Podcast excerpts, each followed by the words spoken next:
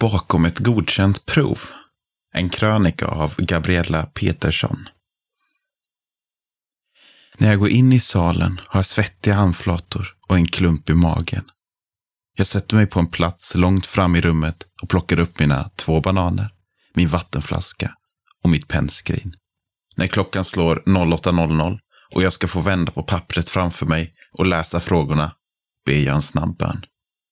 Gode Gud, jag ber att jag ska kunna frågorna och klara provet. Amen. Jag svarar på frågorna så gott jag kan och lämnar in. Tre veckor senare får jag tillbaka tentan och ser att jag klarat den. Yes! I den här situationen kan jag tänka på två sätt. Vilken tur att jag klarade tentan. Eller, tack Gud för att jag klarade tentan. Jag, liksom många andra, kan ibland glömma att Gud hör bön och är verksam.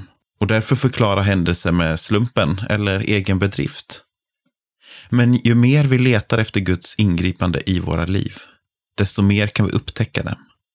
På samma sätt ger vi Gud mer utrymme att forma våra liv och göra mirakel, stora som små, när vi försöker lyssna till honom och ber honom om hjälp.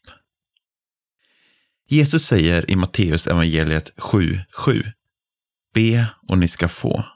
Sök och ni ska finna.